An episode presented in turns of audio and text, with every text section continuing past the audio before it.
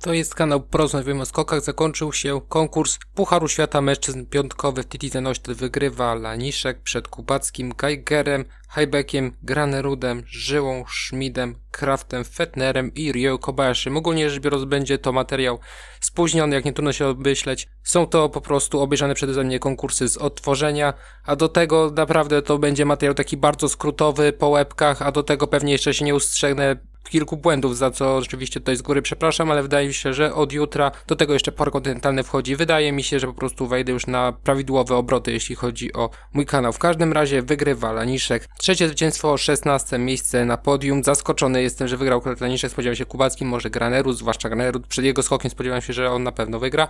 A jednak Laniszek tutaj. Drugie zwycięstwo w tym sezonie. Wydaje się, że lepiej to wygląda niż jego próby czysto jakościowo. No w porównaniu z Kubackim, no to Kubacki miał tylko jeden tak naprawdę słabszy skok, można tak powiedzieć. Czy była to kwestia warunków? Trudno do końca powiedzieć, bo na drugim miejscu właśnie jest Kubacki 26 podium, umocnienie się na pozycji lidera Pucharu Świata. I wydaje się, że ten pierwszy skok, mimo że krótszy, trochę za bardzo został za natami, wydaje mi się, że też mogło być to działanie umyślne, żeby po prostu przed tym, kiedy jeszcze na dole było mocno z tyłu, to na górze było jeszcze względnie dobrze, jeśli chodzi o warunki i można było nabrać wysokości. To, że tak spadał, no to nie jest to aż takie dziwne. Wydaje się, że też to mógł być skok po prostu wyciśnięty. Raczej nie idealny, ale też dość dobrze wyciśnięty. Na pewno nie tak słaby, jak można było powiedzieć po na przykład drugim skoku w Kusamo. Trzecie miejsce Geiger, 33 podium. Ogólnie występ bardzo dobry, zaskakująco dobry w mojej opinii, bo raczej się nie zanosiło po treningach. Kubacki wygrał wszystkie treningi, do tego jeszcze kwalifikacje dołożył, no i tak naprawdę drugą serię jeszcze dołożył. A co do Geigera, no ogólnie Niemcy też troszeczkę wrócili do siebie poza Wellingerem, bo on akurat bardzo przyjemnie się zaprezentował, ale całościowo Niemcy wyglądali tu dobrze. Siódme miejsce, przepraszam, czwarte, Michael Heibeck, dawno go już nie było tak wysoko, naprawdę dwa równe skoki, ale tutaj trzeba od razu zauważyć, że mniej więcej przed Stochem, przy zmianie technicznej, czy raczej przerwie technicznej, warunki się kompletnie zmieniły. To miało też miejsce w kwalifikacjach, ale w mniejszym stopniu nie było tak wypaczające dla rywalizacji. Po prostu z metra na sekundę zrobiło się 0-0, a w końcówce to było już nawet dość wyraźnie z tyłu i to, że Bresadola, że Aschenwald, że też Lindwik, można tak powiedzieć, kilku innych zawodników nie przeszło, no to nie jest aż tak dziwne i raczej nie zamierzam wyciągać tam daleko idących wniosków na temat obniżenia formy, bo po prostu oni trafili bardzo, bardzo źle, a Belku nie udało się tego zrekompensować. Być może podwyższenie Belki nie o dwa stopnie, tylko na przykład o cztery byłoby bardziej pomocne, ale no to jest gdybanie. Z drugiej strony w kwalifikacjach była zbyt wysoko ustawiona Belka na dzień dobry i trzeba było regular, regularnie, przepraszam, zjeżdżać z tą Belką. Piąte miejsce Halvor Egner Granerud bardzo dobrze się prezentował. Na tle Kubackiego można powiedzieć, że jedyny dotrzymywał mu w miarę regularnie kroku. I tutaj ten drugi skok byłem zaskoczony, że mu tak nie wyszedł. No naprawdę nie był to jego najlepszy skok. Szóste miejsce Piotr Żyła, dwa przyzwoite skoki. Siódme miejsce Konstantin Schmidt, zaskakująco dobry występ, zwłaszcza w tej drugiej serii, kiedy były już w miarę równe warunki, to naprawdę no obronił się na bardzo dobrej pozycji nie obronił jej chyba z pierwszej pozycji, ale ogólnie występ bardzo, bardzo dobry. Ósme miejsce Stefan Kraft, który na treningach tak mocno średnio, tutaj pozycja wygląda lepiej, ale też chyba nie są to jego w tym momencie najlepsze skoki, ale pozycja też jest w porządku, bo to jest czołowa dziesiątka. Miejsce dziewiąte Manuel Fettner, występ bardzo przyzwoity, jak to zwyczaj Fettner w tym sezonie. No i dziesiąty Ryo Kobayashi, ogólnie Japończycy znów tak mocno, mocno średnio, jeśli chodzi o występ. Polacy, czternaste miejsce Paweł Wąsek, 29 zniszczył pierwsze punkty w tym sezonie. Można powiedzieć, że parytet został zachowany, znów jest czterech punktujących, no bo Stoch trafił bardzo źle z warunkami i właśnie jeszcze ta była szósta belka, nie siódma, tylko szósta, tam właśnie Aschenwald, Bresadola, Stoch, jeszcze paru innych zawodników, po prostu tak trafiło i nie jest dziwne, że nie awansował do drugiej serii. 35. Wolny, w pewnym momencie się wydawało, że zniszczą, no to nie ma szans, żeby dostał się do drugiej serii, ale przez zmianę warunków dostał się do serii drugiej. I 49. Tomasz Pilch, no przemną kwalifikację, tyle można powiedzieć. No wydaje się, że po prostu nie jest tej dyspozycji zawodnik na Puchar Świata, ale warto podkreślić, że to jest kolejny konkurs. Wszyscy reprezentanci Polski w czołowej pięćdziesiątce. Wiadomo, że przy Pilchu, który mocno odstaje od reszty stawki, zasadna byłaby wymiana. Na Juroszka nie można, no bo Juroszek jest kontuzjowany, kontuzja pleców się, można powiedzieć, odnowiła, czy raczej odezwała w jego przypadku, ale Habdas no jestem ciekaw, jak to będzie wyglądać po prostu w Pucharze Kontynentalnym w Wickersund, bo to może dać odpowiedzi na wiele pytań. Jeżeli tam się okaże, że po prostu nikt w czołowej dziesiątce nie w stanie się zakręcić, to być może zostawienie Pilcha jest zasadne, ale tak patrząc sucho na papier, spodziewałbym się do Engelbergu po prostu wzięcia Habdasa, ale skład już został ogłoszony na Engelberg, można tak powiedzieć. W zasadzie nie można powiedzieć, po prostu został ogłoszony. Dalej, Austria. I tutaj jest mocno średnio, ale też ze względu na to, jak wyglądała pierwsza seria. 23 Trzofenik, 27 Markus Miller, który wymienił yy, Francisco Merta, no i występ bardzo przyzwoity jest punktowanie 39 Filip Aschenwald, o nim mówiłem, i 47 Her, ale też tutaj no nie trafił dobrze, z warunkami zresztą nie pierwszy raz w tym sezonie. Dalej, Norwegia 11, Hegli, bardzo dobry występ i też bardzo dobrze kwalifikacja w przeciwieństwie do Sundala, który wystrzelał się dzień wcześniej na treningach. 13 miejsce Johansson, 17 Forfang, 18 Tander, 25 Eriksen Sundal. I 32 miejsce Mariusz Lindwik, ale z jednej strony zawodnik słabo się prezentował, no słabo, przeciętnie na swoje możliwości na przestrzeni ostatnich dwóch dni, ale też Warunki były bardzo selektywne dla ostatniej grupy, ostatniej dwudziestki na liście startowej były naprawdę bardzo selektywne. Słowenia, 12 Zajc, który miał super skok, też trochę wykreowany przez warunki w kwalifikacjach, 16 Jela, 33 Peter Preucale to jeden z tych pokrzywdzonych, można tak powiedzieć, 34 Kos i 52 Domen Preutz kompletnie go skręciło za progiem w prawą stronę, no i żyłował skok, ale no też no temu nie pozwoliły, ale ogólnie skok bardzo, bardzo przeciętny.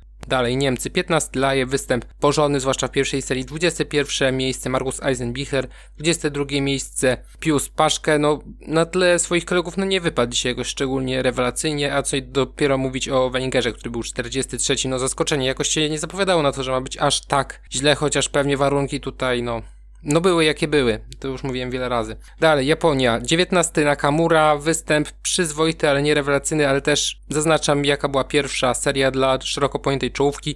A tak poza tym, no to bieda, bo nie dość nie ma punktowania to Nikaido na 45 miejscu, 46 Yuki Sato, 48 Keiichi Sato i po potężnych problemach w powietrzu Junshiro na 61 miejscu, daleko od kwalifikacji. Dalej Finlandia z Estonią, 20 Anti-Alto, dwa dobre skoki, Kito Sacho na 26 miejscu, bardzo fajny skok w kwalifikacjach, wysoka belka, dobre warunki, na pewno był to najbardziej efektowny skok, jeśli chodzi o rywalizację dzisiejszą, jeśli chodzi właśnie o Finów. 31 Aigro, no to raczej zasługa warunków, czyli zmiany warunków, że był tak blisko awansu do serii drugiej. 40 Etunusianen, 53 było Parosari i 56 Kevin Malcew. Reszta świata i tutaj bardzo doniosłe wydarzenie, no bo kolejny raz mamy, jeśli chodzi o Ipziolu, rekord w historii swojego kraju. 24 miejsce, do tej pory 29 miejsce, a tutaj no w pierwszej serii 16 miejsce, drugi skok słabszy.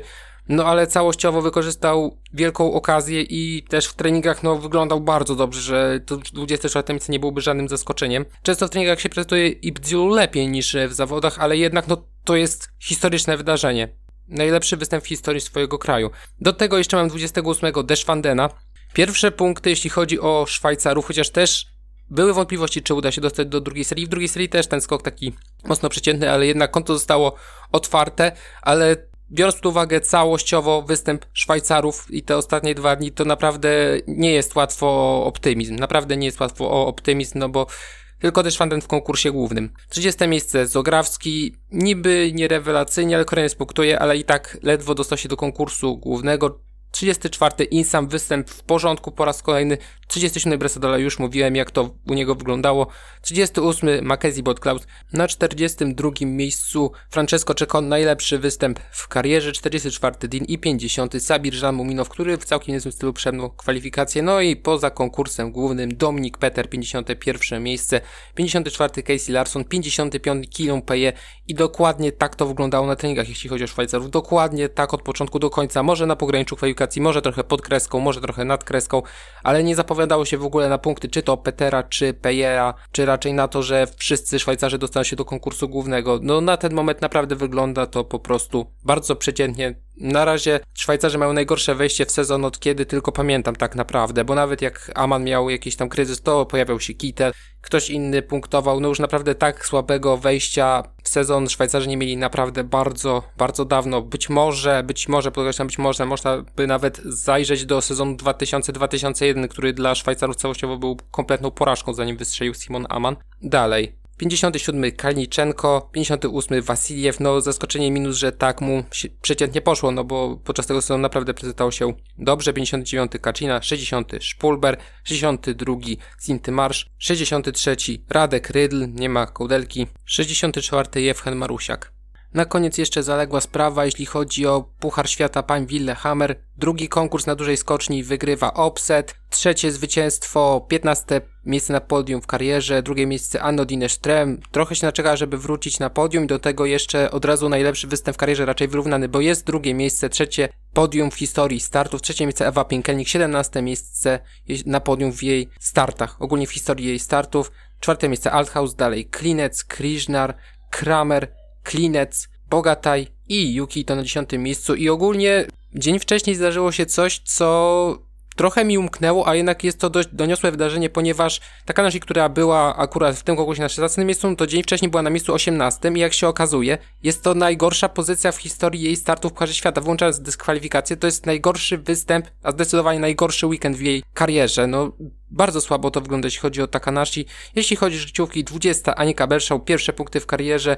To samo Paige Jones, jeśli chodzi o USA, 29 miejsce, 24 miejsce Dora Mitsunstadt, pierwsze punkty w karierze. I jeśli chodzi o Polki, to w konkursie głównym tylko Kamila Karpiel, przepraszam, Kinga Rajda na 38 miejscu. To tyle. Do usłyszenia.